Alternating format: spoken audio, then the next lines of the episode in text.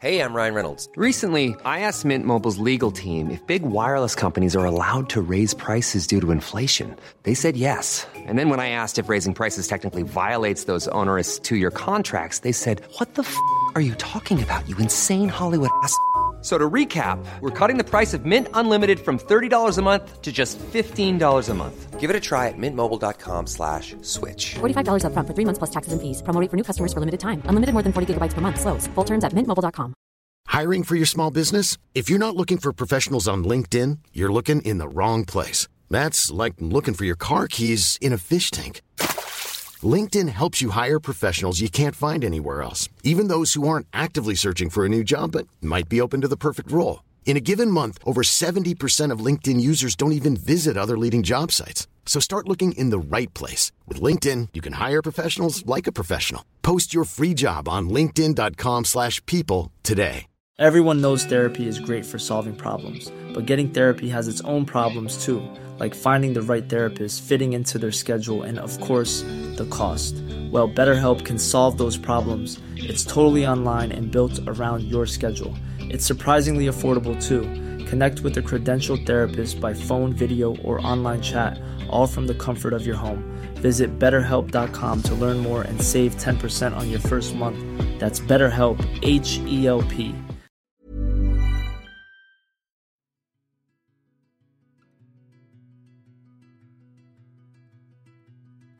Hej och varmt välkomna till podden Sorgsnack. Det här är en podd som berör allt som har med sorg och förluster att göra. När livet inte blev som vi hade tänkt. När något oväntat händer och hela ens liv vänds upp och ner över en dag.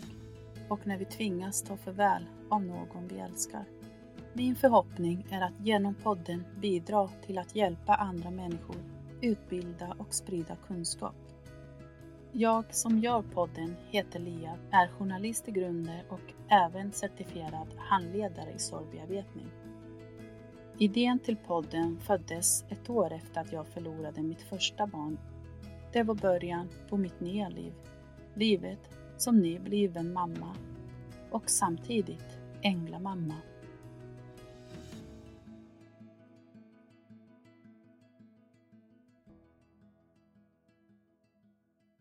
Du lyssnar på podden Sorgsnack och det är jag, Lia, som är din programledare.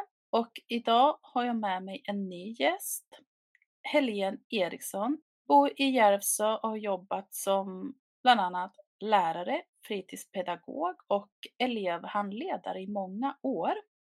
Men nu de senaste åren har hon ägnat sig åt att skriva en hel del, vilket har bland annat resulterat i en barnbok som heter Farfar är dum för att han är död. En bok som tillkom efter att hon förlorade båda sina föräldrar med bara några månaders mellanrum. Och hennes barnbarn började ställa en massa frågor kring just döden. Och nu sitter du här. Hej och eh, välkommen till podden Helene. Hej Lea, tack så mycket. Det känns jätteroligt att du ville vara med och dela med dig av din erfarenhet kring döden och eh, svåra förluster och även ditt skrivande. Och inte minst då döden kopplat till barn och hur barn sörjer. För det har du ju lite erfarenhet av. Ja men precis, lite Mm. hur man upplever ur ett barnperspektiv och det är så det skildras i boken som jag kommer gå in närmare på senare. Ja, ja men precis. Och eh, jag ska ju bara flicka in här. Jag har ju läst boken och jag måste bara säga att eh, jag tyckte det var så otroligt fint och eh, inte minst eh, slutet. Nu ska inte jag avslöja för mycket då, men just, jag älskade just det här stycket. Det var så talande tyckte jag när lilla Vera säger bland annat att jag vill inte att farfar ska vara död. Nej, jag vill inte, jag vägrar, det får inte vara så. Ja, och hur mycket som jag kände igen med det trots vuxen ålder, så här att nej men jag vill inte det här, jag vill inte vara med om det här, det får inte vara sant.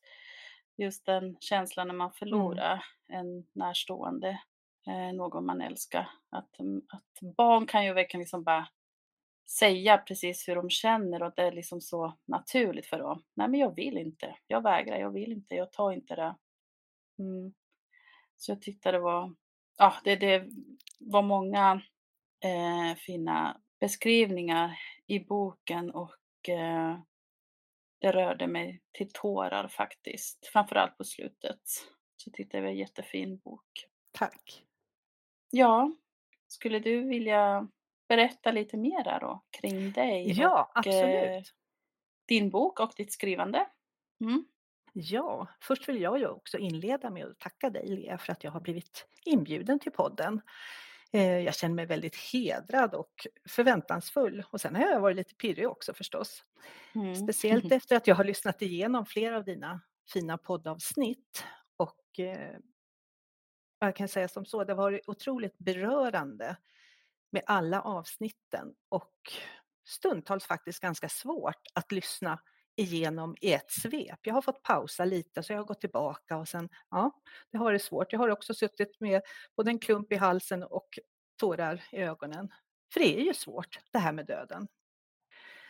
Vem är då jag? Ja, lite som du har presenterat. Helene Eriksson heter jag. Jag är 59 år. Jag lever ihop med min man Pelle och vi har hängt ihop, ja, vad är det? Det är drygt 40 år. Vi har fyra stycken numera vuxna och utflugna barn som har egna familjer faktiskt. Så vi har till och med sex stycken härliga barnbarn i åldrarna från två år och upp till 14. Vi kommer ursprungligen från Stockholm, men vi ledsnade i början på 90-talet på stressen i Stockholm, så vi drog faktiskt norröver och bor sedan 30 år tillbaka i Järvsö.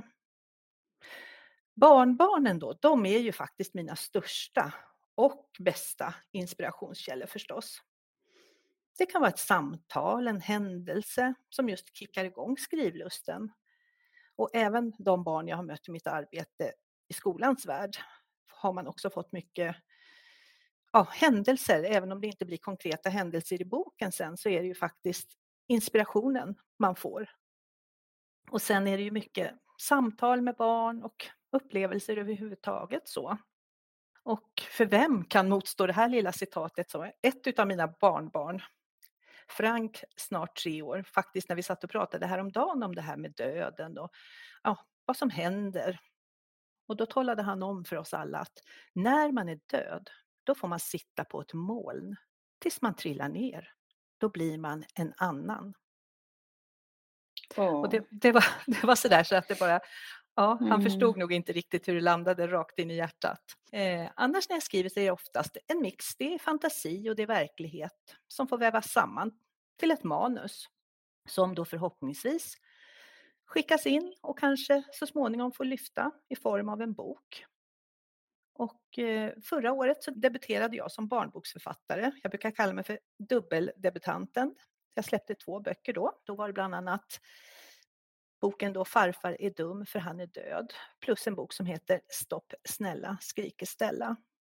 Och eh, precis som du berättade i inledningen också kom boken, farfarboken till efter att mina föräldrar hade gått bort i cancer bara med några månaders mellanrum. Och barnbarnen ställde många frågor kring döden. Vad händer när man dör? Vad är sorg? Hur känns det? Kommer den som har dött aldrig tillbaka? Och är det, ja, lite ett exempel också, det dyker ju upp i boken då, att är det okej att bli arg på den som har dött? Och kan man någonsin bli glad igen? Jag kommer återkomma också lite längre fram just om farfarboken, för det är ju den som har lite huvudrollen här idag när vi pratar du och jag, Lea. Mm, Men i bo-. Ja, Mm. men i boken Stopp snälla skriker Stella så möter vi Stella. Och där är det ju också att jag är in och berör lite utav de här som vi brukar kalla lite svåra ämnen eller svåra teman. Och Stella hon är en ganska modig tjej i vanliga fall men det är svårt att berätta för de vuxna vad som pågår i skolan. Så det krävs både mycket mod och styrka att våga stå upp mot mobbarna för att i svåra situationer hjälpa en klasskompis. Och under 2024 så släpper jag en tredje barnbok. Den går än så länge under arbetsnamnet Bella och Ludde. Och det är en berättelse om hur det är att ha en förälder som sitter i fängelse. Och det är också en bok som handlar mycket om de där jobbigaste känslorna, men också om fin vänskap. Och just det här att det är så mycket saker som är svårt att prata om. Eller ens att man kanske inte ens törs prata om det, varken med en kompis eller med en vuxen. När jag skriver så är det viktigt för mig att jag hittar djupet i berättelserna. Jag vill kunna omfamna dem till något som jag känner att jag faktiskt vill dela med mig av. Och min förhoppning är att det jag skriver också kan ge hopp eller tröst. För det kan faktiskt underlätta ganska mycket när man får prata om allt det här som är sådär svårt. Och just som barn kan det vara väldigt lätt också att tro att man är ensam i världen. Att känna just det man känner eller bära på tankar och funderingar som man inte heller riktigt kan förankra hos någon. Men mest av allt hoppas jag ju förstås att den som läser mina böcker, eller kanske får dem upplästa, att man får en fin läsestund och att man känner också som vuxen att det här kan öppna upp till lite utav de här svåra samtalen som man kanske inte dagligdags pratar om. För det är ju lite, jag ska inte säga att det är tabubelagt, men, men nästan lite grann ibland det här. Det, det är ju inte, vi, vi pratar ju inte med lätthet oftast om det här med döden. Och nu kommer jag beröra lite mer kring Farfar är dum för han är död. Det är ju en bok som handlar om döden. Och hur det kan kännas när man förlorar någon man älskar väldigt mycket. Och just att sorg, det kan ju också dyka upp i så många olika skepnader. Speciellt då hos barn upplever jag. I boken så möter vi Vera och hennes farfar Farfar, han är pensionär och han har ju alltid tid med sitt barnbarn Vera. Och farfar har ju också en liten egenhet att när han skrattar så hoppar hans mage upp och ner som om den vore fylld med tusen miljoners miljarders studsbollar. Och det roligaste som finns det är att vara hemma hos farfar, tycker Vera. Men så plötsligt en dag förvandlas farfar från att vara den där världens bästa farfar till att bli dummast i hela världen. Och begravningen, det blir en sorglig fest som egentligen borde vara en glad och lite knasig fest. För det är som farfar var. Och precis Lea som du berättade lite där också att ett, ett barn som Vera, hon speglas ju ja, förskoleålder typ, har svårt att ta in och riktigt förstå det där. För Vera vill inte att farfar ska vara död. Hon vill ju bara att farfar ska vara alldeles levande igen. Och vad är då barns sorg? Att som vuxen prata med barnet om sorg, det kan vara ganska laddat och ibland svårt om man själv inte har de rätta verktygen kanske. Jag upplever att det kanske påverkas av vår egen personliga inställning och vad vi själva har med oss i våra bagage vad det gäller just sorg och förluster av nära och kära. Och just det här att kunna svara på barnets frågor, det är inte alltid helt lätt. Jag vill att vi backar tillbaka lite grann till ungefär mitten av 40-talet här i Sverige. Då resonerar man väldigt annorlunda mot vad man gör idag då ansåg man ju nästan att barnet inte hade något sorgarbete överhuvudtaget. Där höll man ju helst barnet utanför det här med döden. Jag har ett litet exempel där. Min pappa som var runt 5-6 år i mitten på 40-talet, han förlorade sin pappa i sviterna efter tbc. Men det var ingen som berättade för honom att hans pappa hade dött. Det tog nästan ett helt år innan han fick veta hur det faktiskt låg till.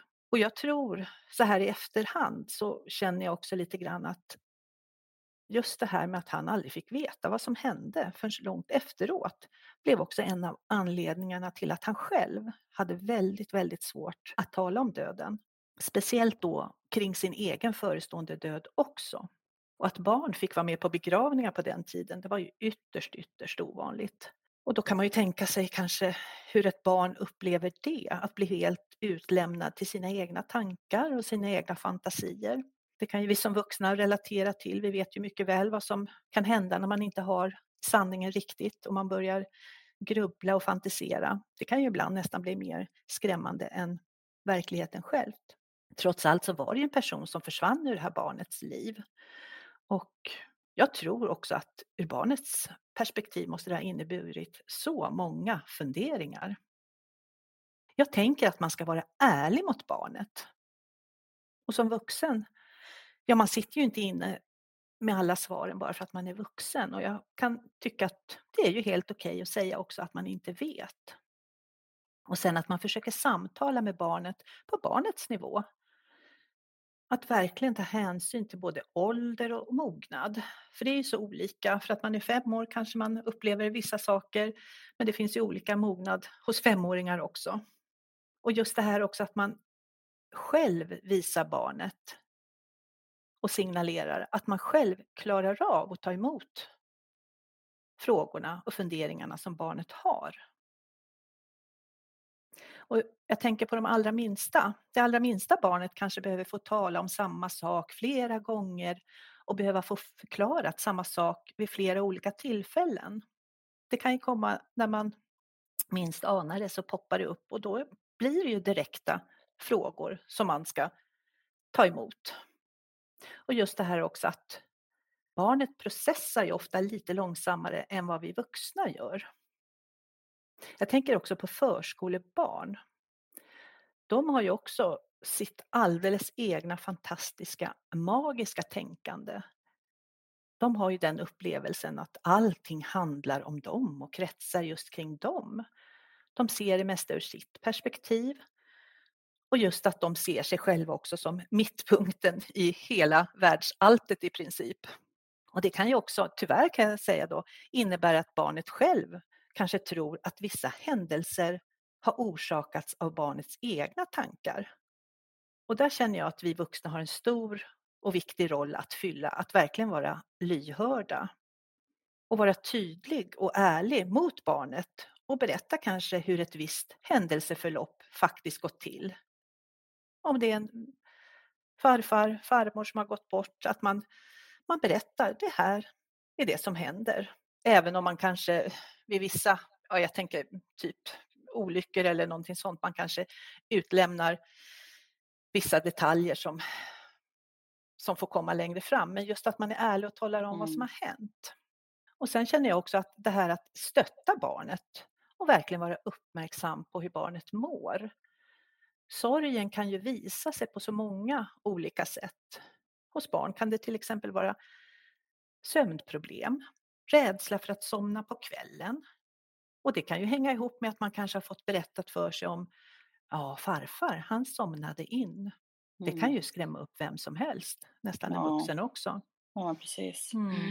Och det här att inte vilja skiljas från föräldern.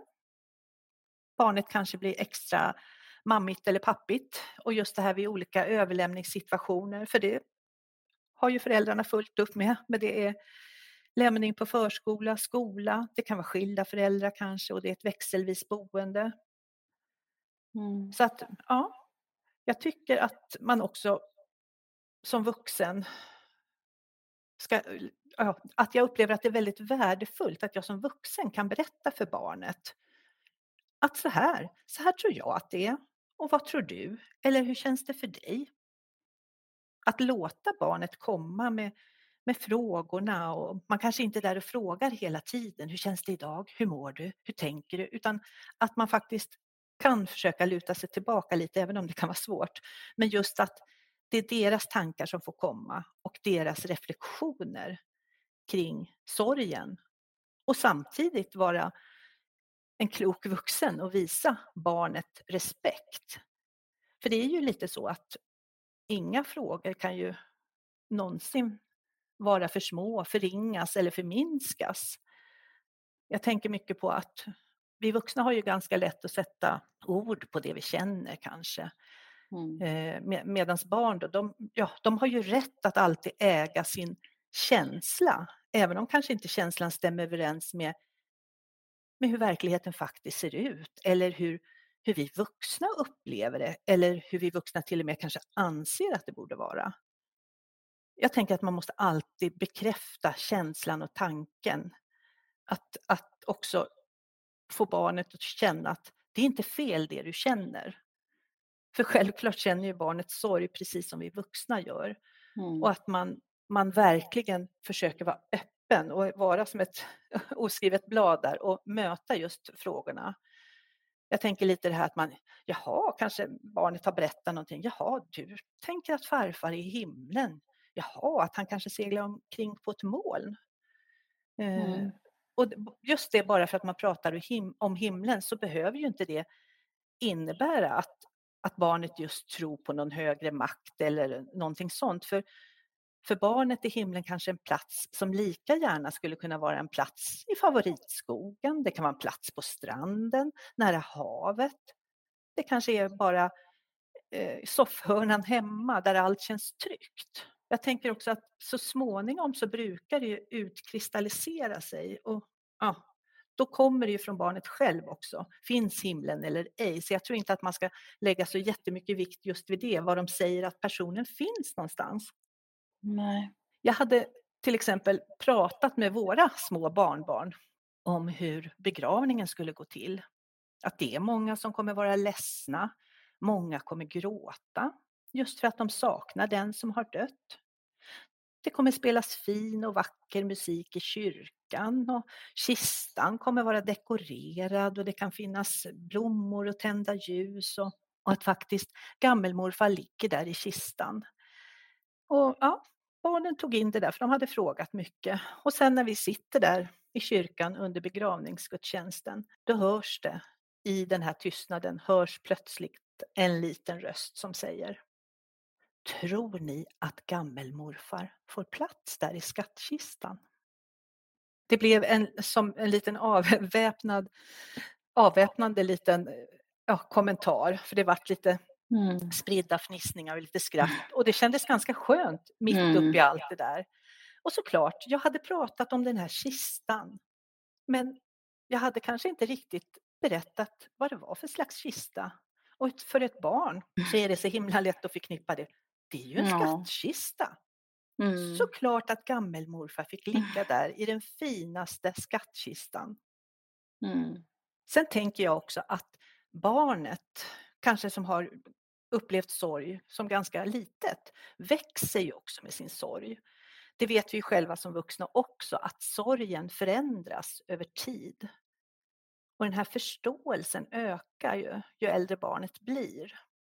Även om jag tänker att just själva sorgen påverkas inte, men barnet utvecklas ju och ser saker på andra sätt. För sorgen, den bär man ju med sig hela livet oavsett på ett eller annat sätt. Men jag tänker också att det är lättare för barnet ju äldre det blir. Kanske just för att det inför vuxna eller andra verbalt kan sätta ord på vilka känslor de har just kring sorgen. Och hur det är att vara i sorgen. Och hur det är att vara i saknaden. Och hur det är att vara i den här längtan. Den här längtan som aldrig tar slut. De lite äldre barnen som kanske, ja, mellanstadieåldern, nioårsåldern, som också förmodligen börjar brottas med sina existentiella frågor. Det barnet förstår ju oftast innebörden av att den som har dött, den personen kommer aldrig tillbaka. Och just att det här barnets framtid också kommer påverkas av att just den här personen inte längre finns. Jag talade tidigare lite om det här med öppenheten och kunna ta emot barnets sorg i vilken skepnad den än visar sig. Men självklart så är ju vi vuxna inga övermänniskor.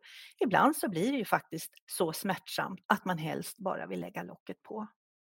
För det är smärtsamt att befinna sig i sorg och att leva nära andra som känner precis likadant och kanske behöver en mer än någonsin. Det kan ju också göra att man som vuxen automatiskt sätter det egna sorgarbetet på paus ett tag. Kanske bara för att orka med och ta hand om dem som man har i sin närhet. Och som vuxen också kan det vara svårt att inse att barnets sorg förändras ju äldre barnet blir. Man går kanske där sida vid sida och bär samma sorg men på olika vis. Jag har hört många vuxna säga också att de upplever lite grann att barnet verkar inte ha påverkats så nämnvärt av sorgen. Men då tänker jag att det kanske är för att barnet inte hade mognaden just då eller de känslomässiga verktygen att tillgå. Och då har vi ytterligare, det är många tunga roller vi får som vuxna och närstående, att eh, vara lyhörda och verkligen vara tillåtande och försöka visa lika stor öppenhet som när barnet var riktigt litet. Det är så lätt att tänka att ja men, det här barnet har bearbetat sorgen långt, långt tillbaka i tiden. Det här är ju flera år sedan det här hände. Men det är så lätt att det dyker upp i framtiden och visar sig då som obearbetad sorg. Just för att mognaden kanske inte fanns, man insåg inte vad det är egentligen som har hänt. Och så tänker jag att sorgen kanske går in i andra faser. Ja, eller helt nya faser. Att det kanske tar sig flera andra uttryck också. Det finns barn som kanske går tillbaka lite i sin utveckling. Det kan vara några steg eller bara något steg. Och då känner jag också att där har vi vuxna också en uppgift att bejaka och bemöta barnet precis där det står just nu. Eh, att man inte tänker, ja men åh, nej, men nu beter du dig som en liten treåring fast, fast du är tio år. Ja, fast det är kanske den här obearbetade sorgen som plötsligt exploderar och poppar upp och ger sig uttryck som man blir väldigt förvånad över som vuxen. Och oftast är det ju flera personer som sörjer samtidigt med barnet. Man har ju sitt nätverk, det är familjen, det är släktingarna, vännerna, det kan vara grannar, arbetskamrater. Så man går ju någonstans där sida vid sida och sörjer tillsammans. Och ibland så blir ju sorgen sådär totalt övermäktig, kanske svår överhuvudtaget att hantera. Då tänker jag att man som vuxen gärna kan söka hjälp utifrån. För någonstans så ska man ju försöka orka vara den här trygga och faktiskt livsviktiga personen som barnet behöver. Sorgen går ju inte att följa genom några bruksanvisningar eller manualer. Så här ser det ut. Vi har vissa saker vi kan följa olika faser, det är chockfaser och återhämtningsfaser. Men just det här att det är inte så att man sitter och prickar av någonting, check, nu har jag klarat den här, det första sorgeåret eller jag har klarat det här, utan vi har egentligen inget val när det gäller det här med sorg. Det är ju bara att härda ut och vara i den och försöka att inte gå under totalt. För så upplever jag att det känns emellanåt, att man, man kanske till och med brottas med tanken, nej men vad är det för mening med livet? Finns det någon mening överhuvudtaget? Men så plötsligt, plötsligt när man befinner sig i den där djupa, djupa, bottenlösa sorgen, eller den där explosiva ilskan, för den kan ju faktiskt också dyka upp mitt i sorgen. Eller den där skrämmande rädslan, den där enorma saknaden och den där obeskrivliga längtan. Men då, helt utan förvarning, mitt i det där totala mörkret, så smyger sig glädjen och skrattet in. Då när man nästan känner skuld inför att man har skrattat så där hjärtligt eller att ett varmt glädjeskutt har letat sig in i hjärtat. Där tror jag att vi själva också får en liten känsla och en liten smak av det där som vi vuxna brukar benämna med randig sorg. Man pratar ofta om barnets randiga sorg. Just det där att barnets sorg kan växla så snabbt. Ena stunden är det sorg och nästa är det glädje. Vi vuxna har också behovet av att kunna växla, i min känsla i alla fall. Men jag Mm. upplever att det nästan också är lite skuldbelagt. Att det blir en liten känsla av att oj, hur kan vi sitta här och vara glada och skratta nu när farfar precis har dött? Men detta tror jag är en liten, en liten ytterpyttedel utav en, en form av överlevnadsstrategi, för det måste man ha i sin sorg. För ingen, jag tror ingen klarar av att bära allt det där mörka och tunga som sorg faktiskt innebär. Vi behöver också ljuset och glädjen mitt i det allra svåraste. Jag tänker att barns sorg tar ofta andra uttryck. Just det här att barn kan leka och busa ena stunden och sen i nästa, alltså det kan slå om bara på någon halv minut så blir de otröstliga, kanske klängiga och vill ha mycket närhet. Och sen är det otroligt viktigt, vare sig det är barn eller vuxna det handlar om, att man tar hänsyn till att alla bär sin sorg på olika sätt och olika dagar. Att vi vuxna, inte bara i, i såna här lägen som kring sorg och så, då är vi ganska snabba med att använda oss av olika metaforer. Som att farfar har somnat in. Eller att farfar har gått bort. Jag tror att det kan skapa mycket rädsla och förvirring hos barnet. Att det till exempel kan bli otäckt för barnet att gå och lägga sig. Att tankarna kommer, tänk om jag också somnar in, precis som Mm. farfar. Mm. Tänk om jag aldrig vaknar mer. Ja, precis. Farfar har gått bort. Jaha, men när kommer han tillbaka undrar barnet. Har farfar Ja. gått vilse? Vart har han gått någonstans? Ja, men precis. Mm. Eh, och där tycker jag, och det har jag gjort i boken Farfar är dum för han är död. Där vill jag inte linda in det. Har, man har läst så mycket där man somnar in och går bort. Utan där står det helt enkelt tydligt i texten. Farfar är död. Mm. Samtidigt vill man ju också som förälder och vuxen skydda barnet från allt ont i världen. Det finns väl faktiskt inget som är värre än att se sitt barn gå igenom svår sorg eller svår smärta. Och då tänker jag vare sig vi pratar om de riktigt små barnen, de lite äldre barnen, de unga vuxna, men också sina vuxna barn. Så ibland så är det klart, det blir ju lättare med lite omskrivningar. Jag tycker inte att man ska vara så rädd för det här med känslor. Sorg är ju faktiskt en helt normal och en helt naturlig känslomässig reaktion. Då upplever jag mera att vi vuxna ska bli bättre på att rusta barnen, ge dem de här känslomässiga verktygen, att de får dem med sig ut i livet. Det är inte farligt att känna, okej, det känns så här nu. Och det är svårt att stå vid sidan om och säga att det kommer bli bättre, men det kommer bli annorlunda i alla fall, får man väl säga. Eh, för tyvärr är det ju så att vi alla kommer få uppleva i livet någon gång sorg, smärta, förluster och skilsmässor kanske. För att eh, sorg, det är ju inte bara ett likhetstecken med döden. Sorgen kan ju komma i så många olika skepnader. Det kan vara till exempel sorg över en ensamhet, en ofrivillig, ofrivillig ensamhet. Och det kan ju vara olika förluster och det behöver ju inte alltid innebära att man förlorar någon genom dödsfall. Sorg kan uppstå vid ja, förlorad vänskap, genom skilsmässa. Och jag tänker också att det kan uppstå vid förlust av ett arbete. Alla vill vi ju och har det här behovet att ingå i det sociala sammanhanget. Det har vi alla mer eller mindre.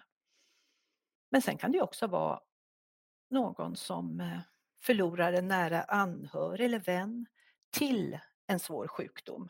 Den personen kan ju också drabbas av sorg. Och här pratar jag om att förlora till svår sjukdom och då menar jag att det kan vara kanske en person som får en ja, livshotande sjukdom. Det kan vara demens, det kan vara stroke som drabbar. Eh, ja, det finns ju otroligt många sjukdomar som gör att den personen på något sätt försvinner fast inte genom döden. Personen finns fortfarande kvar i livet, men den kanske inte har möjlighet att ta hand om sig själv. Den kanske inte känner igen sina nära och kära. Den kanske måste flytta in på ett boende. Det blir också en stor förlust och en form av sorg. Just det här att sorgen över det som inte blev. Och jag tänker också föräldrar som har förlorat barn vid en förlossning eller genom sjukdom, det är också lite det här sorgen över det som inte blev. Att inte få uppleva. Man minns årsdagarna och man kanske tänker, hur hade det här barnet rört sig, varit i treårsåldern? Att det blir på något vis, man sörjer framtiden. Likväl som ett äldre par kanske där den ena måste vårdas på annan plats, man kanske inte lever ihop längre. Och just där också en sorg över att inte få åldras tillsammans. Och det här med att prata om döden, det är ju för väldigt många otroligt svårt. Och nästan som jag nämnde tidigare också lite tabubelagt. Men däremot så tror jag att många ändå tänker på döden ganska ofta. Dels kring sin egen död, men också en stor rädsla över att förlora någon, någon man står nära. Och just det här uttrycket att man brukar säga att döden är lika naturlig som födelsen. Vilket jag absolut inte kunde hålla med om bara för några år sedan. Då kändes döden mest otäck, skrämmande och verkligen inte naturlig som en födelse. En födelse var för mig förknippat med förväntan, glädje, hopp och liv. Döden däremot, det var bara sorg, saknad och längtan och ett totalt mörker. Och just den här egna tanken på att ens eget liv också är ändligt, den tanken skrämde mig. Eller att försvinner jag nu, då får jag inte se mina nära och kära äh, växa upp, barnbarnen till exempel. Eh, just det här, ja, man önskar ju faktiskt att livet vore oändligt. Men eh, som tur är så kan man ju faktiskt ändras också. Jag har ändrat min uppfattning kring just det här. Och det var ju på grund av mina föräldrars sjukdom och bortgång. Att få möjligheten att finnas där, nära sin förälder som drar sitt sista andetag. Jag trodde att jag skulle uppleva det som otroligt skrämmande. Jag kände nästan bara av tanken så fick jag nästan lite panik. Det var ett fruktansvärt ögonblick. Men det skapade också en sån total närvaro i nuet. Det var det här klassiska som man säger, att tiden stannade. Och det var på något vis som ett totalt lugn infann sig. Och jag minns än idag hur, jag, eh, hur det kändes inombords och att jag tänkte, ja, det är nu det händer. Jag kan inte förhindra och jag kan inte förändra. Livets konturer blev så totalt knivskarpa och allt det här som var oviktigt, det, liksom, ja, det suddades ut helt enkelt. Där fanns jag vid det sista andetaget. Precis som mina föräldrar fanns där vid mitt första andetag.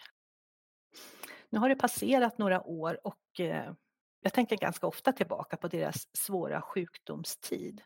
Jag trodde att jag var väldigt förberedd, men det var jag absolut inte. Det gör ju fortfarande fysiskt ont inombords ibland, även om jag upplever att sorgen, den förändras ju över tid. Men det finns ju alltid den där saknaden, längtan. Det ligger som ett litet gnisslande skav i hjärtat.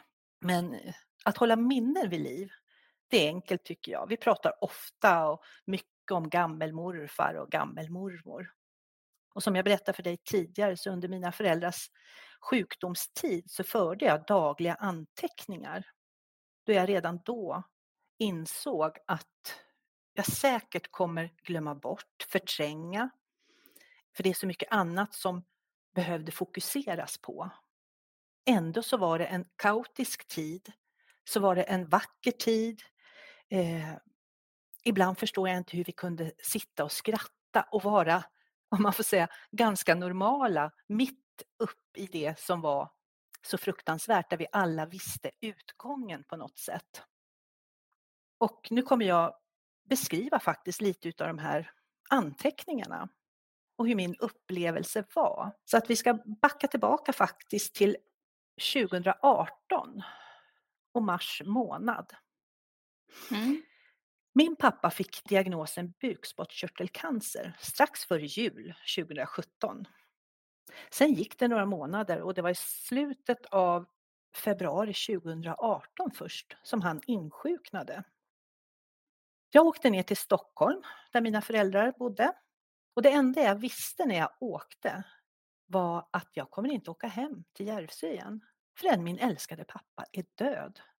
Och det var verkligen sånt här mardrömsscenario och det var så overkligt så att jag, jag tror inte ens att jag kunde ta in det riktigt. Så jag får sitta och i princip prata med mig själv och säga högt till mig själv för att jag ska förstå. Han blir inte bättre. Han blir aldrig frisk igen. Han kommer att dö av den här överjävliga cancern. Och jag var så rädd, så otroligt rädd. Mycket rädsla tror jag var, hur kommer jag reagera? Jag vill inte att han ska behöva dö, men som jag sa också, mitt i allt det där svåra så finns tacksamheten. Tacksamheten över att min älskade pappa lät mig ta hand om honom och vårda honom in i det sista så att han fick vara kvar hemma, för det var det han ville. Det blev som en egen liten bubbla, ett eget litet liv vi levde där inne i radhuset. Vi håller händer, vi håller ögonkontakt. Jag, jag håller andan av rädsla. Jag får hålla om lite då och då tills du säger ifrån. Du öm, det värker i armar och axlar. Jag ser på dig och på din bröstkorg som rör sig rytmiskt. Och jag lägger min hand på din panna och jag önskar att jag likt en superhjälte hade de där magiska krafterna så att kanske min hand på din panna kunde faktiskt hela dig. Det var någon slags, slags naivt tänkande. Och mina tårar de faller ner på ditt täcke. Och jag vet att du ser att jag gråter fast du blundar. Flera gånger varje natt tassar jag upp där i mörkret. Jag står där i mörkret, alldeles stilla. Jag är arg och ledsen, uppgiven och förtvivlad. Jag vet bara att min älskade pappa ska dö. Jag vågade inte ens fråga om han var rädd. För han, han är så otroligt lugn hela tiden. Fast jag vet att han också vet. Och jag minns att jag tänkte också, du kan väl bara få dö ändå utan att behöva kämpa mot den här cancern. För jag hade alltid haft någon sån här bild av att mina föräldrar som var så otroligt pigga och alerta, de skulle bara få somna in sådär rofyllt, mjukt och stillsamt när tiden väl var inne. Jag hade något sånt där litet inre mantra också, dö inte, dö inte, inte nu. Och vi skrattar åt allt möjligt. Precis som jag berättade tidigare, man, man blir nästan lite, hur kan man skratta? Och den frågan ställde jag mig också, hur kan vi skratta mitt i detta helvete? Skratt och gråt, liv och död, glädje och sorg. Ja, det går faktiskt hand i hand. Likt ett litet barn kurar du ihop dig och jag stoppar om och du somnar innan jag ens har hunnit lämna rummet. Du ser så där liten och hjälplös ut. Min pappa, min långa, ståtliga, stora, starka pappa. Allt har gått så fort. För några månader sedan var allt som vanligt. Då visste inte vi ens att sjukdomen hade tagit hans kropp i besittning. Jag känner mig helt tom inombords. Ibland orkar jag inte ens gråta. Vem ska jag sen fråga om goda råd? Du som var min bästa påhejare i skrivandet. Du som sa, skriv på ditt vis, hämta inspiration ur livet, samla på dig de allra vackraste orden och glöm aldrig hjärtat i ditt skrivande. Mm, du min älskade pappa, ska du inte finnas längre? Du som älskade livet så otroligt mycket. Jag vet också att du vet och jag vågar fortfarande inte fråga. Döden är på väg. Så onödigt och så ovärdigt, så sorgligt och så meningslöst. Maktlösheten den tar ju faktiskt tag i både hjärta och hjärna. Och jag funderar på hur länge du orkar. Utanför, där pågår livet. Ingen verkar ens märka att döden närmar sig. Allt är så bekymmersfritt. Solen skiner. Det är några hundar som skäller utanför fönstret. Här inne är det bara alldeles tyst. Pappa som brukade spela jazz på högsta volym. Han lyssnar på vackra konserter i lurarna. Men inte nu. Själv får jag ju också mycket funderingar på livet under den här tiden. Vad är det som är viktigt? Just nu spelar livet där utanför ingen roll. Jag kryper upp bredvid dig, håller din hand. Småpratar om allt och inget. Bukspottkörtelcancer kallas för den tysta cancern. Den ger oftast inga symptom förrän det är för sent. Du sover mycket, det är en lugn sömn. Jag sitter hos dig, det är jättesvårt att gå ifrån. För tänk om jag går ifrån. Tänk om det är då döden kommer. Nätterna, de är oändligt långa. Jag har satt larmet på mobilen. Från klockan 24.00 ljuder ett litet pling varje timme. Jag tassar upp, jag håller handen, smeker dig över håret. Jag bara sitter där. Du känner att jag är där, trots att du sover. 11 mars 2018. Natten har varit stillsam. Jag ser på dig och din kropp att du har börjat släcka ner. Vid halv tio på förmiddagen så drar du ditt sista andetag. Den kvällen lyser en ny stjärna så vackert på himlen. Och jag bara fylls av konstiga frågor. Men mest av allt, hur ska vi kunna leva vidare utan dig? Mm, det var lite utav det, mina dagliga anteckningar som jag förde under tre veckor som jag bodde nere hos mina föräldrar under den här sjukdomstiden. Tack så mycket, vad fint och även självklart väldigt berörande text. Och, jo men det är det ju eh, och sen hinner vi ju knappt hämta andan. Det går Mm. tre månader och eh, när min mamma också konstateras att hon har drabbats av cancer. Just det. Burrow's furniture is built for the way you live. From ensuring easy assembly and disassembly to honoring highly requested new colors for their award-winning seating, they always have their customers in mind. Their modular seating is made out of durable materials to last and grow with you. And with Burrow, you always get fast, free shipping.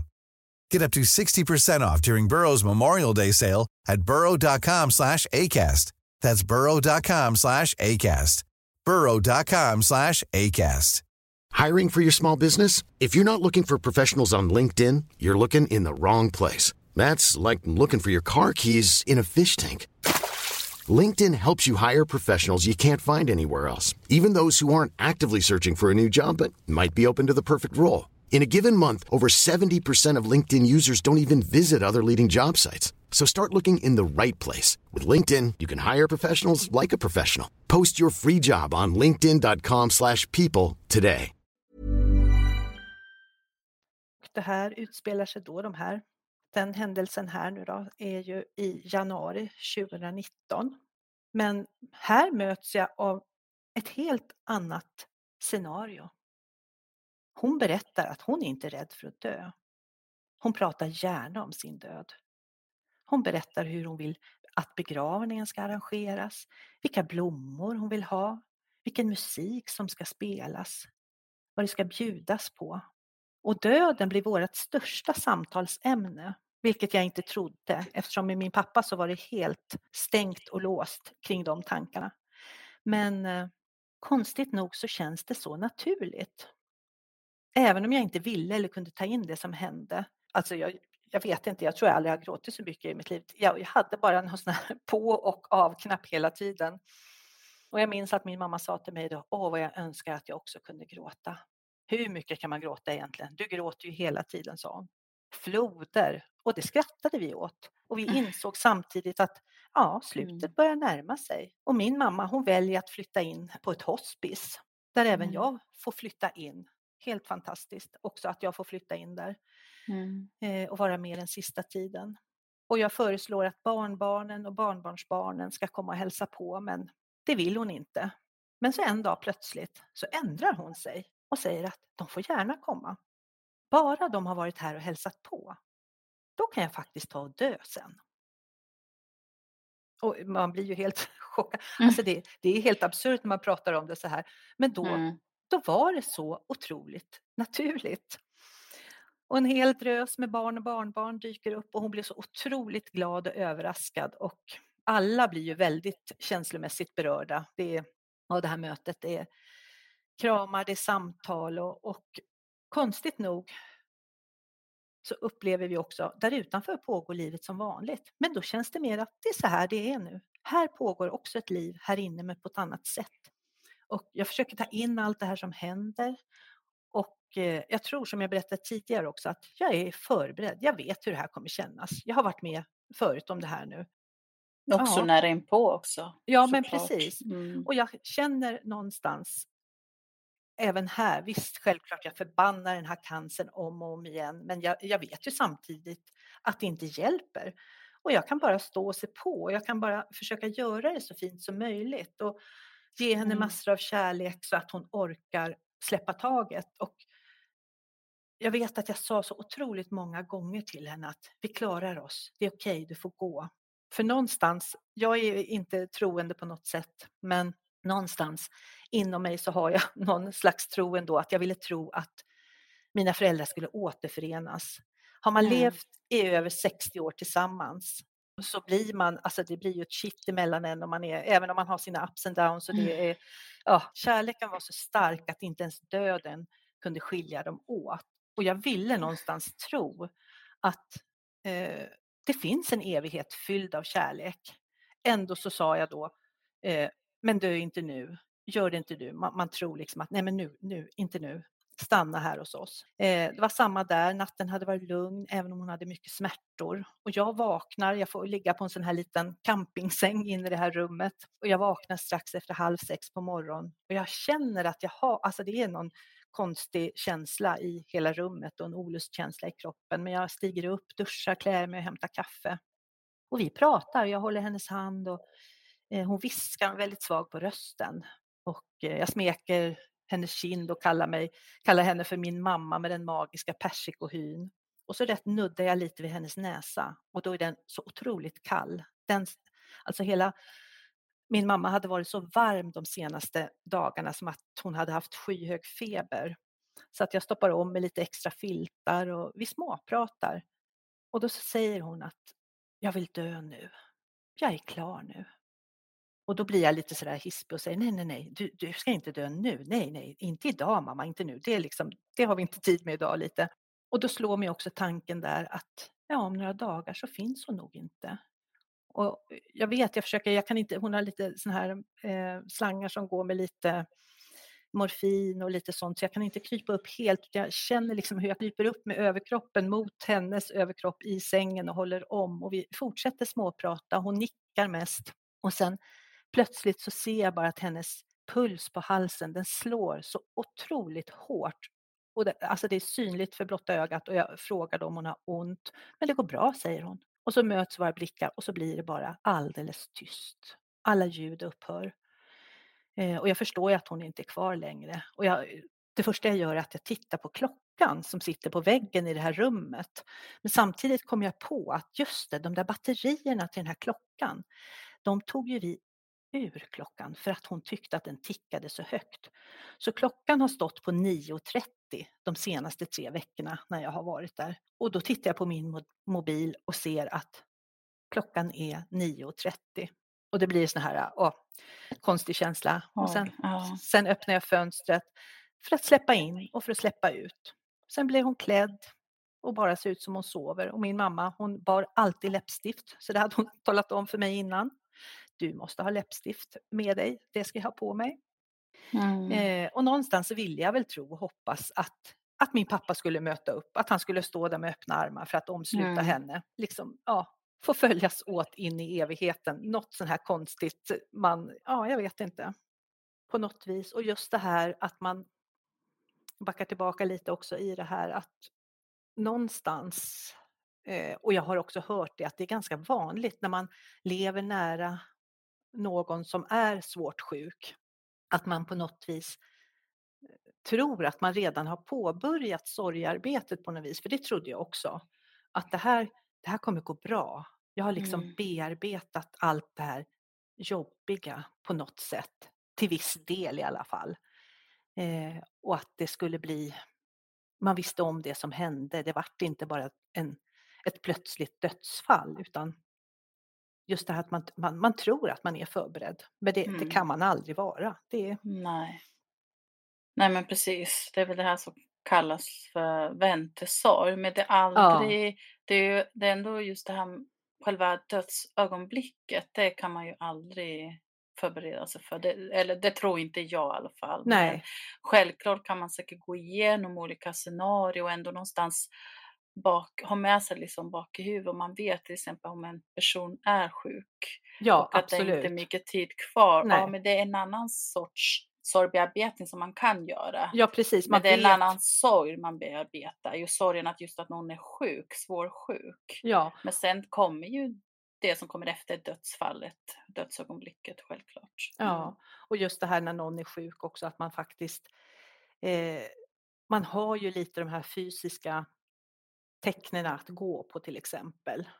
Med kalla händer, fötter till exempel och, och sådana saker och man ser att personen, ja, som jag beskrev lite kring min pappa också, att det var så tydligt att kroppen började stänga ner. Den förberedde Mm. sig för det som skulle komma. Och att man någonstans vet att nu närmar det sig på något sätt. Men, men ändå, eh, jag upplevde inte att det var det här obehagliga ändå som jag, självklart är det ju ingenting man vill vara med om, men, men samtidigt att det var så stillsamt. Mm. Och nu när några år har passerat också så, så är jag så otroligt tacksam att jag tilläts vara med i det här och fanns där ända till slutet på något vis. Ja, det förstår jag. Ja. Och jag tror absolut att eh, när du sa det här just med att eh, de hade varit gifta så länge och varit Mm. ett par så länge, så många år. Och att de kommer fortsätta vara det efter det här också. Och det tror jag också på. Jag minns att jag, jag träffade ett medium Mm. strax, ungefär ett år efter att vi förlorade Alexis. Och eh, då hade min mormor gått bort för några år sedan också tidigare då.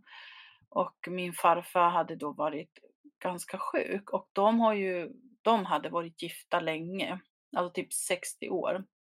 Något sånt. Eh, så de hade ju hängt ihop sedan de var 13 respektive 14 år. Så det är ju väldigt länge. Oj, ja verkligen. Ja, och min farfar blev 99 år. Han Åh. dog förra året. Och eh, min farmor blev ja, men ungefär runt 85 eller något sånt. Så hon levde ju också länge. Men hur som helst, det här mediumet, han började just med att eh, tala om för mig att det var en person som visade sig och det var ju min farmor. Och han nämnde ju att hon brukar hälsa på lite då och då och att jag också märkte så jag förstod exakt vad han menade med det. Och sen tyckte jag det var så fint för att så sa han det här att, ja, att min farfar inte hade så långt kvar att leva. För att han var ju sjuk redan då. Men att jag inte skulle oroa mig för det för att min farmor stod där och väntade på honom. Och det Mm. ville hon att jag skulle veta att eh, hon stod där och sträckte ut handen och bara väntade på honom. Tills han var liksom klar i det här livet och var redo att släppa taget. Och, Mm. och det tyckte jag var så fint och jag känner nu att det var precis så med dina föräldrar också. Ja, men lite så. Just det här, jag, jag minns att jag lite sådär, du, det är okej att du går mamma, du får gå. Vi klarar oss. Eh, samtidigt hade jag backat tillbaka innan allt det här hände, då hade jag mest, tror jag, tyckt att det hade låtit konstigt, men det var så naturligt att just säga så också. Mm. Och jag tror nog säkert att hon kände det i och med att du beskriver att hon ändå tog det med sånt ro. Och, Ja, otroligt. Ja. ja, och det tror jag nu att det hade mycket med att göra att eh, han hade gått före henne. Mm. Jo, Eh, saknaden var ju väldigt, väldigt påtaglig, absolut. Så Mm. är det ju. Så att, ja. Det är ju också sådana saker man har både hört och läst om att människor som har varit tillsammans i väldigt många år, att det kan bli väldigt tätt mellan dödsfallen där. där att man faktiskt kan dö av brustet hjärta, eller ja, vad ska man säga? Ja. Precis. Mm. Så att, ja. Det ligger något i det, Ja, absolut. ja. Men eh, om vi backar tillbaks bandet lite här. ja. Eh, för jag tycker det här är så intressant och ett jätte... Alltså, det här tycker jag att det här ämnet verkligen intresserar mig och kanske mest för att jag själv har två småttingar i livet. Ja. Just det här med barn och sorg och sådär. Och det tycker jag är jätteviktigt för att det har, det har jag också märkt hur folk i min närhet som också har barn har liksom reagerat och bemött oss i det vi har varit med om och, Ja. eh, och så. Men just det här med att eh, barn sörjer randigt, som Mm. du var inne på, vilket de gör ju. Och jag minns att det var bland det första som jag fick höra av min terapeut när vi precis hade, eller efter att Alexis dog. Och jag kände direkt då när hon sa det att, och det var första gången jag hörde det. Jag har ju- jag hade ju inte liksom varit med om något sånt här tidigare såklart, så då är det inte så konstigt kanske om vi inte hade hört talas om det innan. Men jag minns att när jag satt där och hon nämnde det här, ja, men så här sörjer barn och så här liksom. Så Mm. hon, hon, hon beskrev det så fint och jag minns då att jag kände direkt där och då att ja, men, det är precis så jag känner och det är precis så jag gör och reagerar och ja, och då kände jag men då är jag också ett barn då. då, då Ja. har jag det kvar inom mig för att det är precis så och det har varit så hela vägen skulle jag nu säga. Ja, och, Så det är ju inte bara barn som sörjer randigt, utan men jag tror att det, det är ju jättebra liknelse och det framför allt beskriver ja, men just hur barn tar allt det här, att, de, att det blir liksom så mycket mer, ändå på något sätt så här naturligt för dem att ändå handskas med det fast de kanske inte ens har varit med om det förut, att det är en helt ny erfarenhet och upplevelse, men att de ändå i många fall skulle jag vilja säga att de kan hantera sorg mycket bättre än vad många vuxna gör. Absolut, och jag tror att vi, har, vi vuxna har med oss så mycket annat i vårt bagage eller våra, vårt känsloliv att Att det nästan Äm, hindrar oss. Ja, ja men precis. Även om man säkert kan känna den här ilskan och besvikelsen och, över att den här personen är död. Att den kommer aldrig Mm. tillbaka. Just att man, som vi också pratade om här, eller jag beskrev lite grann, just att man, man får också en sorg över det som inte blev. Någonstans Mm. har man ju förväntningar på framtiden, man har planer och allt det här. Men ändå också på något vis så kan jag ju också jag tänker på det som du har gått igenom, eh, att mista ett barn. Eh, Mm. Någonstans så kan jag ändå känna att när en äldre människa dör så, så blir ju det på något sätt mer naturligt, eller vad ska jag ja. säga? Att det, det, Ja, men mer naturlig. ja, är man 90 väg att år och man går och lägger sig Mm. på kvällen och nästa dag är man död.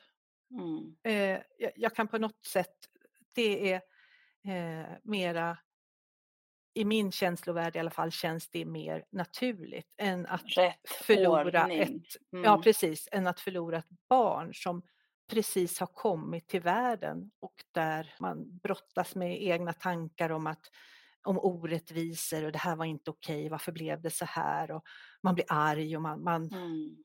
men någonstans inombords så vet man ändå, det spelar ingen roll hur jag rasar ut kring det här eller hur jag, vad jag säger eller gör. Det är ju liksom, döden är ju oåterkallelig på något sätt. Mm. Det är ju inte, och lite Ja, också som jag pratade om där, att, att befinna sig i sorgen. Eh, och då känner jag också som, som vuxen att ja, vi behöver göra lite mer och lära oss utav barnen.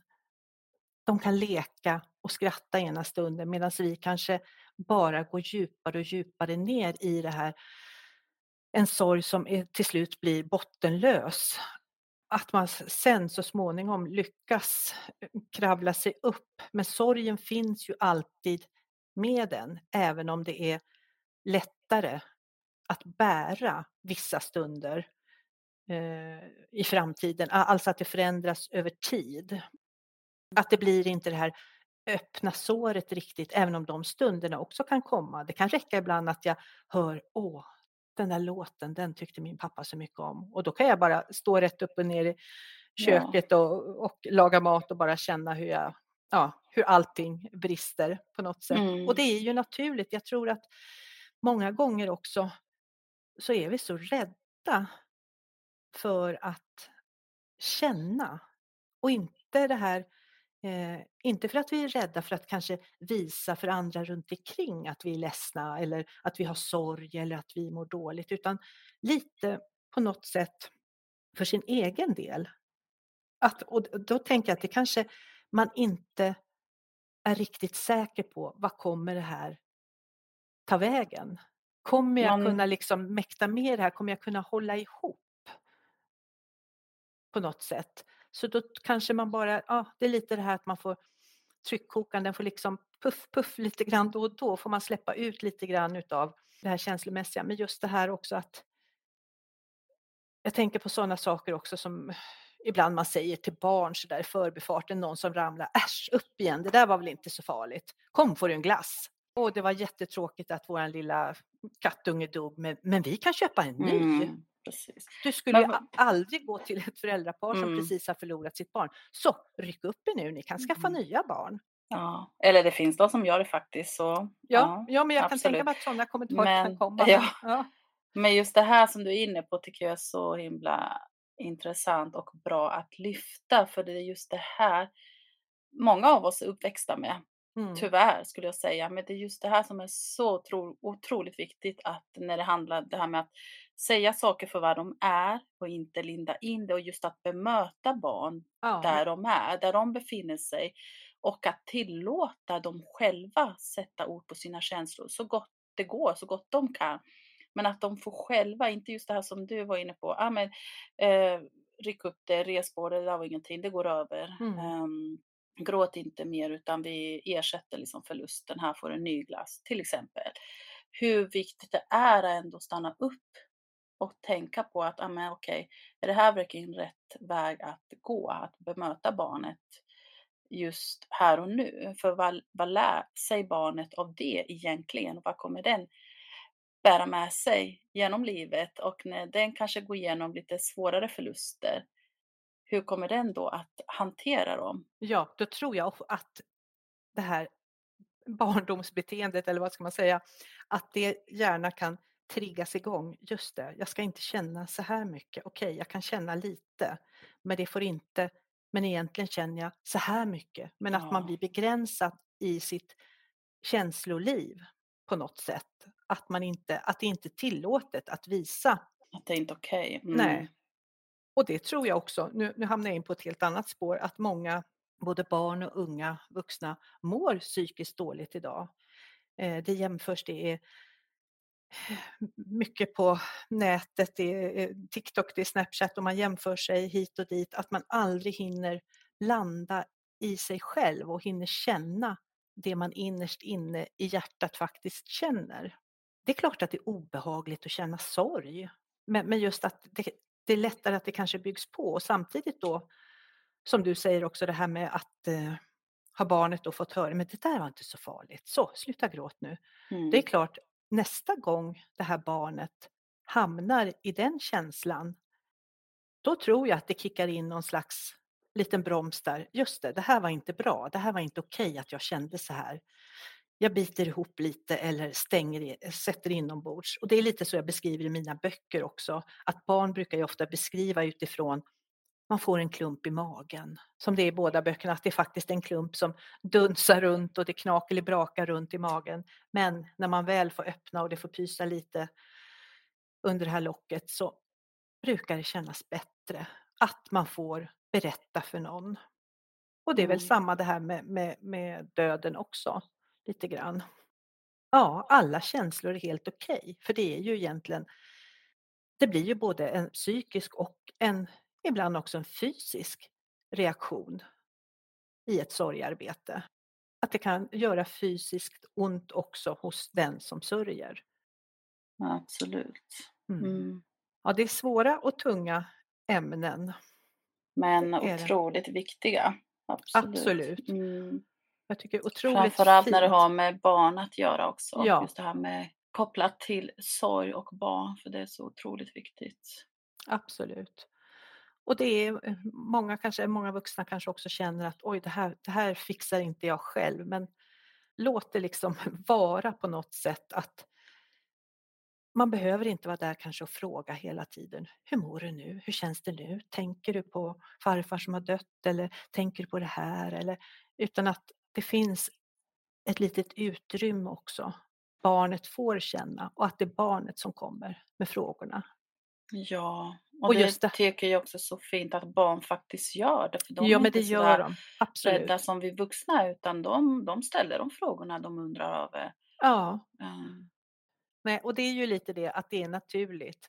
De har alltså en, en snabb eh, tillgång till sina känslor, även om de kanske inte alltid, vi vuxna ska alltid vara så tillrättalagda och vi ska tala om att idag känns det så här, jag känner mig lite så här eller si och så, utan nej, utan de har ett, ett tydligt språk ändå utan att verbalt behöva sätta etiketter på känslan. Och det kanske är Mm. ganska bra att inte Mm. behöva göra det. Precis. Och inte vara Mm. rädd för det här, ja men nu känns det så här, även om det kan kännas obehagligt just när, när som jag kunde uppleva vissa stunder att det blev övermäktigt och jag tänkte så här, men jag kommer inte kunna bära den här sorgen för den, den är så det, det fanns liksom inte, den kändes bara så oändlig på något sätt. Och även om den är det så är det ju ett, ett förhållningssätt också att det blir ju, man förhåller sig på ett annat sätt och man kan Mm. leva vidare eller vad ska man säga, det är ju, ja. Ja. Och sen är det ju också här, man vill ju inte heller glömma bort eller sluta precis. sörja för att det är det är ju som man brukar säga, men det är ju kärleken som lever Ja. vidare och det är Ja, därför vi minns och saknar och längtar Ja, och fortsätter att älska för att eh, relationen lever vidare så länge vi själva finns kvar här. ja, ja men så är det ju, absolut.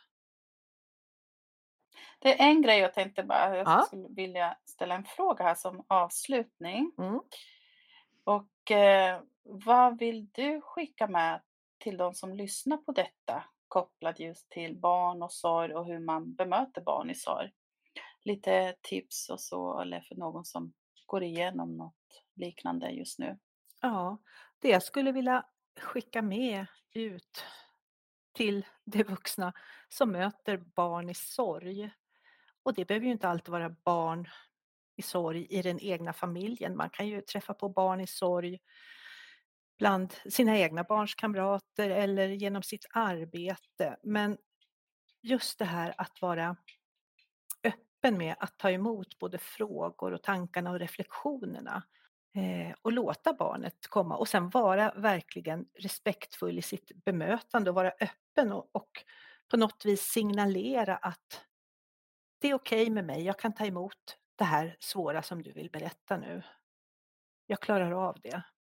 Men sen också, jag kanske inte har alla svaren bara för att jag är vuxen. För det är också lite det här man tänker att vuxna de kan så mycket och de vet så mycket. Men just det här att ja, jag sitter inte inne på alla svaren men jag finns här för dig och jag respekterar och jag bekräftar dina känslor. Eh, och just det här att ingen känsla är någonsin fel. Det är väl det som jag tycker är otroligt viktigt. Mm. Just att man inte förringar någonting eller förminskar. Ja, och sen att man ska vara uppmärksam på hur barnet mår. Lite grann som jag var inne på tidigare också, det här att någon som lite klämkäckt, jo men det här barnet verkar inte sörja speciellt mycket. Men det kan ju ha skett just i någon ålder där barnet inte hade de här verktygen eller sin mognad och att det faktiskt visar sig längre fram. Och att man inte ska vara rädd för att heller begära hjälp utifrån om man känner att det kan behövas.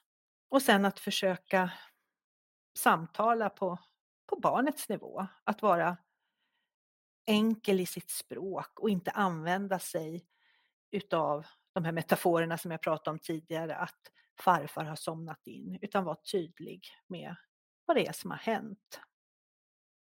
Sen kan jag förstå att när man står där och då att det kan vara jättesvårt att berätta kanske att man känner att jag vill skydda det här barnet från allt ont och jag vill inte att de ska uppleva varken sorgen, smärtan kring det här utan man vill på något sätt slå sina vingar om det här barnet och verkligen skydda. Nej, du ska inte få, det ska, sorgen ska inte få komma åt dig eller någonting sånt. Men, men jag tror att man vinner på i längden faktiskt att eh, man visar att man är öppen och man, att man faktiskt vill ta emot tankarna, mm. känslorna.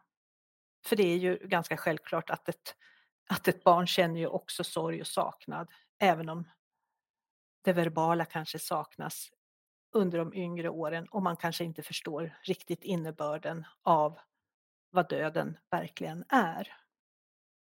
Så att det, det är väl, ja, att bekräfta barnets känslor och vara lyhörd och nära och finnas där. Så bra sagt. Och det kan man ju självklart också, tänker jag, implementera i allt som har med, inte enbart död, utan just det här med Nej. svåra förluster eller Absolut. annat jobbigt som ett barn går igenom. Mm. Och... Men har man från början att försöka att ja, men det är okej. Du får vara arg nu. Du får vara arg på farfar som har dött. Du får vara arg på mig och tycka att det är mitt fel eller du får vara arg på det här och det här som handlar just kring sorgen. Mm. Men du får också vara glad. Mm. För jag tänker också barn som eh, lever då nära, kanske sina föräldrar då som har drabbats av djup sorg. Att det blir lite, jag törs nog inte. Och det beskriver jag lite i farfarboken också. Jag törs mm. inte fråga pappa för då kanske han blir ännu mer ledsen. Så att det är ju lite också mm. eh, från barnets håll också att de vill skydda den vuxna eller föräldern också. Jag vill inte att mamma och pappa ska vara så här ledsna. Så därför kanske jag också undviker att ställa de här frågorna. För tänk om jag gör så att de blir ännu mer ledsna. Ja. För barn är otroligt lojala i alla lägen. Och då tänker jag, då vill de ju också, precis som vi föräldrar vill skona barnen från sorg, så vill ju ett barn förmodligen också skona ja. sin förälder från att må dåligt och vara ledsen. Ja men precis, de mm. vill ju inte se Nej. sin mamma eller pappa ledsen. Nej men precis. Mm. Ja, det här kan man prata om hur länge som ja, helst. Det, verkligen. Ja. ja, det var jättefint att få vara med. Eh. Ett jättestort tack för att du ville ja, men vara absolut. med. Ja. Jättefint, eh. verkligen. Och eh, jag måste bara säga att jag tyckte det var så fint avslut på den här boken. Ja. Farfar är dum för att han är död. Ja. För att det väl, ja, avslutas ungefär så här att hon säger, lilla Vera då säger farfar är du där? Mm. Och hon typ håller, eller hon känner liksom hjärta bulta och mm. håller för hjärtat eller så, pekar mot hjärta. Och så avslutar det hela med att någon svarar ja, jag är här mm. och då mm. syftar på sitt lilla hjärta och att liksom farfar finns ja. där inne. Ja, men precis. Och det, tyckte, det, det fick mig att gråta faktiskt. Ja, men jag har haft många ja. som har faktiskt, jag har fått sms och mejl. Jag kan inte läsa den här boken för mina barn för jag kan inte läsa slutet. Jag bara ja, gråter.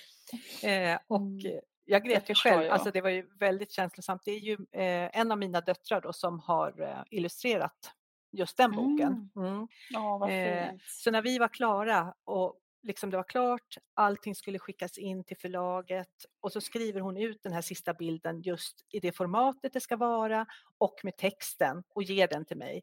Alltså då blev jag så här, så då, var det verkligen så känslomässigt. Så skulle jag läsa upp det för min man, han stod i köket och lagade mat och jag började läsa. Men vad är det sen? Jag kan inte läsa, så jag, det går inte. Men du har ju själv skrivit det. Du vet ju mm. vad det står. Det spelar ingen roll, sa jag. Mm. Eh, och då var det så otroligt sådär, ja, omvälvande på något sätt. Så att det, var, det var också ett otroligt roligt arbete att göra tillsammans med sitt, med sitt barn, med sitt vuxna barn då. Hon är mm. i alla fall 34 år. Eh, Jag förstår det. Så att eh, det var också en, en härlig känsla att kunna liksom, ja, att hitta bildspråket i till texten Mm. då. Så. Mm. Mm. Ja, men så Ja, det är många som har sagt det och det känns Mm. ändå sådär, för det var så naturligt att det slutet blev till så på något vis. Mm. Eh, och jag vet, vi har läst en bok också för barnbarn, nu kommer jag inte ihåg, heter den Lille Bo, Lille Lo och begravningen, någonting sånt där. Och då är det en sån fin mening där. Det var tråkigt att han skulle behöva dö på sin sista dag i livet. Alltså det är också en sån här Mm, mening ja. som bara pang, rakt in i Ja. hjärtat utan att passera någon annanstans utan bara att det, det, det var också sådär ja, Mm. otroligt starkt, någonting sånt är det, men just det här att, få, att behöva dö på sin sista dag i livet. Ja, Mm. Ja, otroligt målande. ja men verkligen. Eller som våran lilla Franka, nu då, barnbarnet, när man sitter på ett moln så trillar man ner och så blir man någon annan. Och det är också Mm. en sån här, ja, man får sig lite liten knäpp på näsan om sina lite fördomar eller vad man tänker och tror och tycker och ja, sådär Mm. att det, ja. Men ja, ett tips, ni som lyssnar, om ni inte har läst boken, eller det går också att lyssna på boken ska jag säga. Eh, gör det, verkligen, jättefint. Så att ni också förstår vad vi pratar om här på slutet.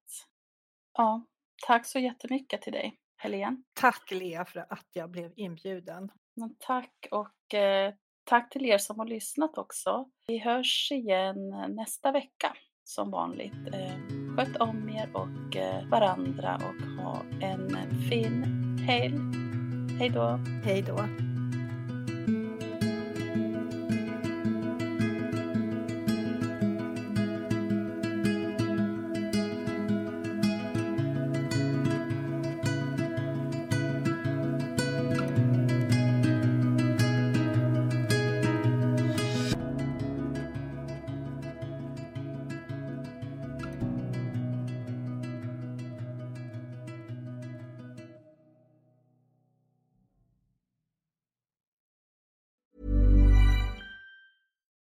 It's Paige DeSorbo from Giggly Squad. High quality fashion without the price tag. Say hello to Quince.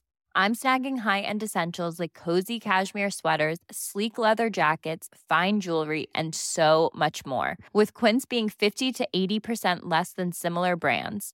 And they partner with factories that prioritize safe, ethical, and responsible manufacturing. I love that. Luxury quality within reach. Go to quince.com slash style to get free shipping and 365 day returns on your next order. Quince.com slash style.